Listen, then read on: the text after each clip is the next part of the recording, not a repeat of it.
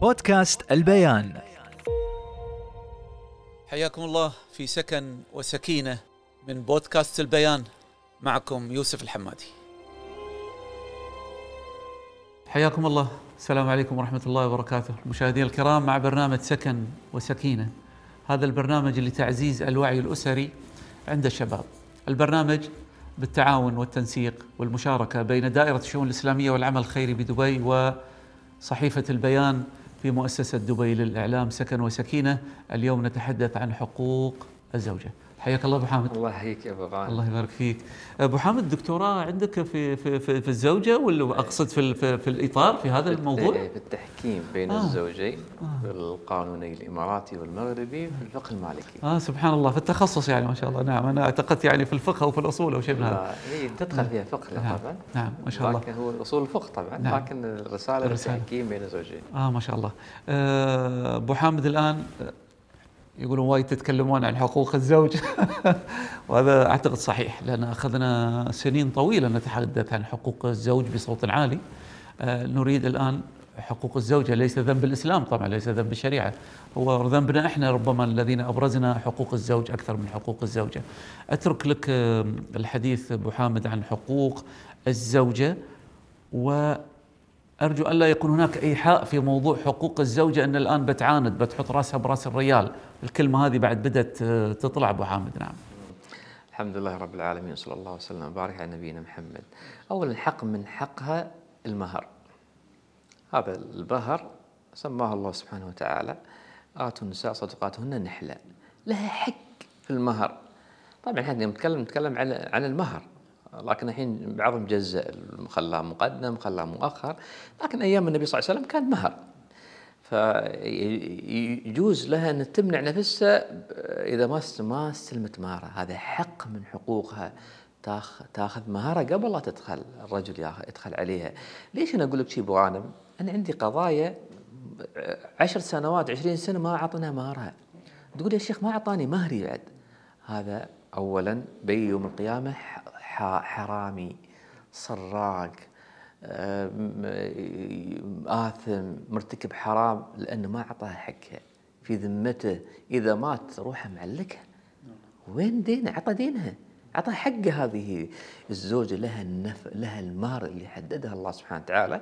لكن المهر يكون أقلهن مهر أكثرهن بركة لكن لها حق. الله شاء جعلها نفقة. فهذا حق من حقوقها أن تأخذه. أيضا من الحقوق النفقة.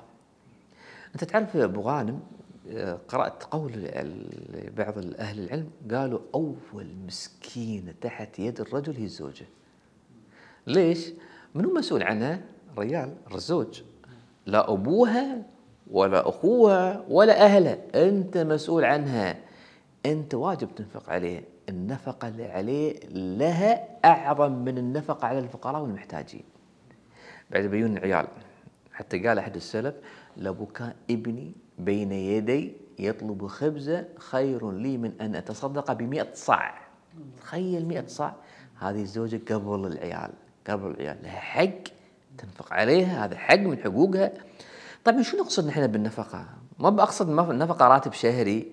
هذا إحسان كرم من الزوج إذا سوى له راتب شهري. هذا كريم وهذا محسن. لكن المقصود بالنفقة الشرعية اكفيها عيشها لبسها طببها اهتم بحاجياتها. حلو يوم تعطيها بعد مصروف شهري. هذا كريم يفعله والله. لأن البنت الحرمة تحتاج لفلوس في جيبها تصدق. تبغى تشتري أشياء ما تبغى تقول لك إياه. تبغى تفاجئك. تبغى تتعدل لك. ما عنده فلوس. كيف تتعدل لك؟ أنا واحد اشتكى لي ما تتعدل. ما تتكشخ. يوم سألته قالت هذا بخيل. ما عليك من عيار وبخيل ما يعطيني ولا فلس. يقول كيف أتعدل؟ له؟ نعم أبو حامد ذكرنا المهر وذكرنا النفقة. بس في موضوع المهر شوية. هل هل موضوع أن في ناس يعني مهرهم يدفعون مهر قليل والبنت ترضى هل هذا مثاليات ولا موجود؟ مر عليك شيء مثل هذا أن الناس يدفعون قليل أو دراهم معدودة؟ واقع هذا ولا مثاليات؟ لا لا وايد موجود موجود، أنا عندي بعض الجنسيات ما يسألون عن المهر لكن قلت له هذا حق يعني أقل شيء 100 درهم. فيأخذون. وأكثر اللي عن القضايا الزواجات اللي عندي إذا مسلمه جديده جديده توه حتى ما تسأل عن المال قلت لا نحن في الإسلام لازم مهر. تقول خلاص أنت حط اللي بتحطيه 100 درهم أحيانا 500 درهم. لكن في مهور. بعد عندي مليون عندي 500 ألف. موجود هذا. موجود هذا نعم. إذا تكلمنا أبو حامد عن موضوع حقها في المهر والنفقة. طيب حقوق أخرى للزوجة؟ زين قلنا النفقة أن يكفيها أيضا من حقوق هذه الزوجة السكن. لها حق إنك تسكنها. مو بس تسكنها في مكان خرابة. توديها أنت أنت راعي بال تصعدها في اليبل تسكنها هناك مكان مظلم موحش آه كبرت العائلة بعدهم في غرفة واحدة. تقولي خمسة. نحن خمسة على كرفاية واحدة نرقد تخيل لهالدرجه يعني. وفوق كل هذا إذا صار الحق الشرعي العيال ممكن حد يطلع على هذا الأمر على هذا السر على هذا العيب. فلها حق السكن الشرعي الملائم. المرأة لها حق ما دام عندها عيال لها حق. هذا حق من حقوقها. ما يجوز تضيق عليه إذا الله وسع عليك نعم. وسع على اهلك طيب أبو حامد إذا قالت ما بسكن لا بيت أهلي ولا بيت أهلك يعني رفضت الزوجة السكن في البيتين. والله لها حق إن تستقل في بيت بروحها لها حق طالب لكن هذه ترجع لحياتهم. هي تشوف ظروفه ويشوف ظروفه أحيانا هي الزوجه تشوف تقول والله أنا أحسن لي أسكن يا أهله. في البداية عشان يتعلم شوية. أساس إن أول حمل هي تعرف كذا عقب تستقل. في بعض الزوجات كذي عندها تقول ما أبغي أسكن بروحي أنا أبغي أسكن عند أهله. تحب الجمع وتحب الكذا. حتى بعض الأزواج قال لي أنا والله ما أحب إني أسكن بروحي أحب دائما على السفرة متجمعين وكذا. لكن حق من حقوقه أقول لك حق من حقوقه والله أعلم يا أبو غانم إنه تطلب سكن. نعم الآن قلنا المهر والنفقة والسكن. موضوع النفقة أبو حامد في موضوع يعطيها مصروف شهري ما يعطيها مصروف شهري. يعطيها مصروف شهري وهي تشتغل أو هي ما تشتغل. لك يعني توجيه معين في في هذا في هذا الموضوع موضوع النفقة وإعطاء كل شهر؟ شوفوا هي لها نفقة سواء تشتغل ما تشتغل نفقة البيت والزوجه على الزوج. شرعا. غنية كانت ولا فقيرة ما ينظر إلى مالها إلى راتبها. لكن في شيء يسمونه تكافل اجتماعي بين الزوجين. ها صح ولا لا أبو غانم؟ اذا زوج مقتدرة بس أنا ما ما أنصح الزوجه اللي تشيل مسؤوليه البيت لأن هي غنية أكثر تخليه اتكالي. تخليه يعتمد عليها عقب ما ينفق. عوديه. بعض الزوجات هي هي موظفة لكن تخليه. تخليه ويعطيها شهرية عشان يتعود على هالشيء. لكن ما في مانع يساعد زوجها. لكن النفقة على الزوج. لو كانت غنية لو كان عندها راتب هو عليه. لكن هي من باب الإحسان والإكرام تساعد زوجها. يتفقون. ترى أنا بنفق البيت. أنا ما بعطي الشهريين. لكن أنا بتولى البيت. خلاص يصير اتفاق بينهم وراضيين وماشيين. لكن مو بنتي هي تدفع الأجار وهي تدفع الراشن وهي تدفع مدارس العيال وهي تسوي هو ما شيء. ما يسوي شيء. مو نعم. حلو. وحالة ما تشتغل أبو حامد. حالة إذا هي ما تشتغل تأيد هذا موضوع الشهري ولا والله أنا ايد أنا يعني من وجهة خبرتي أنا ايد على حسب قدر واستطاعة الزوج. أنا قلت لك بغانم البنت الزوجة تبغى شيء في جيبها. والله أنت أنت يوم شيء في جيبك ما تستانس.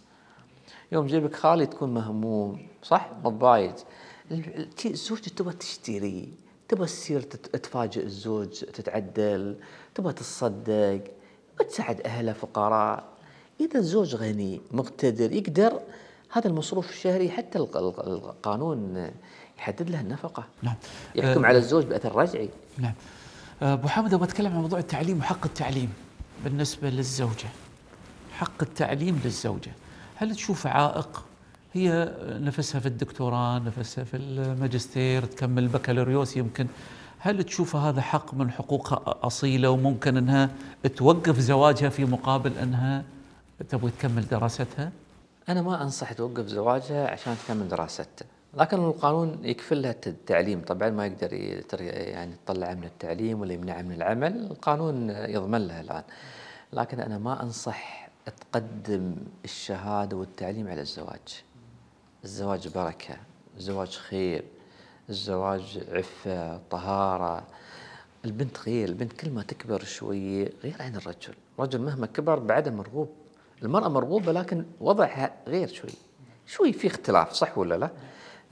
مجرد ما يجي الخاطر مجرد ما يجي الخاطر وخلصت الدراسة ومهيئة على طول.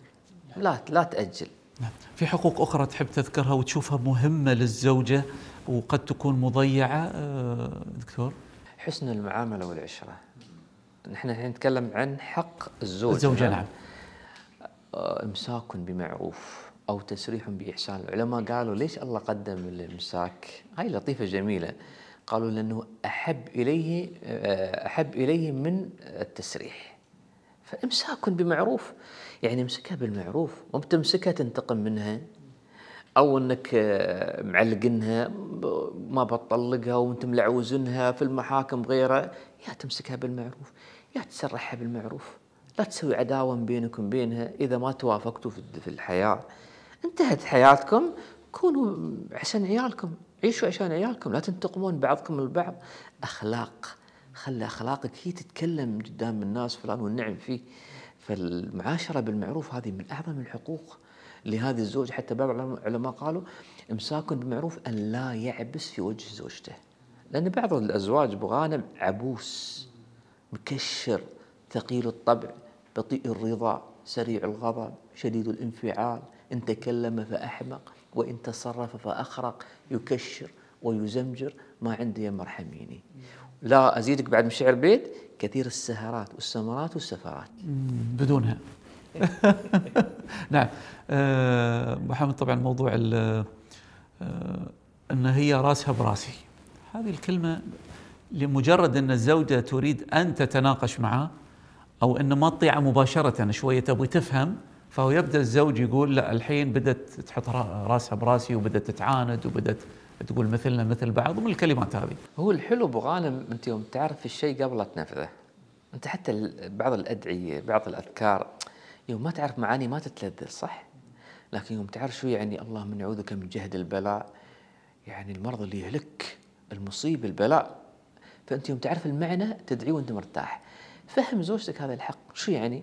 يا فلانة ترى هذا الحق. إذا ما أعطيتيني الملائكة تلعنك أنا لمصلحتك. أنا أعرف واحدة من الزوجات ما ترقد إذا زوجها زعلان عليها. هي السبب يعني. تراضيه لازم ولا ما تحط راسها ترقد. فأنت يوم تعرف المعنى تفهمها تبين لها إياه بتعيش وياك هي مستانسة. لأنه يوم نعرف المعاني نعيش نحن بأخلاقنا بمعانينا. بتربيتنا اللي تربينا فيها في البيت. نعم. آه، موضوع الذمة المالية المستقلة آه، دكتور. يعني الحرمة تشتغل الآن في كثيرين يقولون لك تراها تشتغل. تقول مثلا تطلب طلبات فيقول تراها تشتغل. آه، قضية الذمة المالية هل هو أيضا حق صرف للزوجة؟ ما يدخل فيه الزوج بيغوا يبنون بيت بيغوا يشترون سيارة؟ هذه فيها تعاون فيها تكافل اجتماعي لكن مو بإجبار ما تجبر. ما في إجبار. ما يقدر الزوج يجبر زوجته لازم تحطين غصبا عليك ويهددها يهددها بالطلاق ما له حق. لكن نحن نقول من باب حسن العشرة يا أبو غانم. من باب حسن العشرة حسن العشرة أكرمكم أكرمكم الأهل. مو بس الزوج للزوج الزوجة للزوج إذا كانت غنية. لكن يوم بتساعد إنما نطعمكم لوجه الله. لا نريد منكم جزاء ولا شكورة بس نصيحتي خلي إيصالات ليش أقول لك أبو غانم؟ نعم. أختمها وياك. نعم. في وحدة حطت 500 ألف وطلقها وراغها حطي اكتبوا اكتبوا بينكم. هاي حياة. نعم نعم لكن النية إنما نطعمكم لوجه الله لا نريد منكم جزاء ولا شكورا. يعني أبو حامد حطت زين. العفو منك يعني حطت ال 500 ألف تقصد كتبتها باسمه مش يعني ما مؤخر مهر أو شيء؟ لا لا هي هي قامت تدفع حق المقاول هي تدفع. آه نعم للبيت. أيوه نعم. وهو دفع شيء قليل. الله. آخر شيء في النهاية يوم صارت المشاكل بينهم نعم. طلعت من المولد بلا حمص. نعم. نعم. البيت باسمه. الله يحفظك يا أبو حامد تحب تختم بشيء؟ أنا أختم أقول التعاون جميل. تعاوني وياه. ساعدي زوجك. هذا أقرب الناس لك. لو كان فقير لا تتمننين عليه. ولكن إذا ساعدتي بعد حطي سندات عندك حطيهم كفلي عليهم في التجوري. نعم. الله يبارك فيك. شكرا أبو حامد. شكرا مشاهدينا. في البيت ها؟ نعم. تجوري في البيت.